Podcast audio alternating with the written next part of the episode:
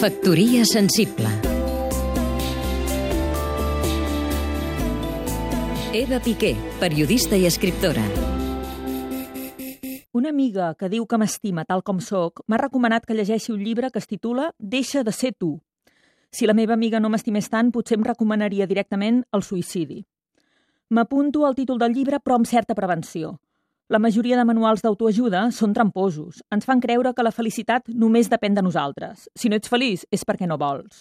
Vinga, no fotem. Això del depèn de tu és una veritat a mitges.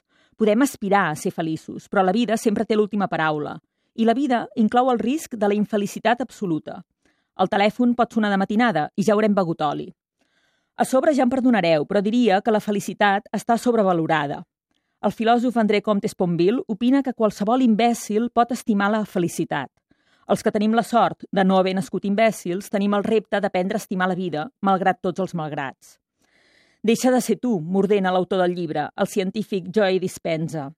D'entrada, això de deixar de ser jo em recorda la moda aquesta de reinventar-se. Reinventa't per fugir de la crisi, reinventa't i te'n sortiràs. Si t'has quedat sense feina, no t'has de rebel·lar contra un sistema injust. T'has de reinventar fins que hi tornis a encaixar. Ho sento, senyors, però tinc un problema. No em sé reinventar. Trobo que inventar-se un sol cop i que el resultat sigui passable ja costa tota una vida.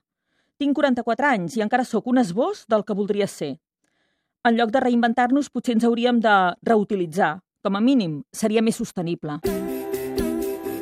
Factoria sensible Seguim-nos també a catradio.cat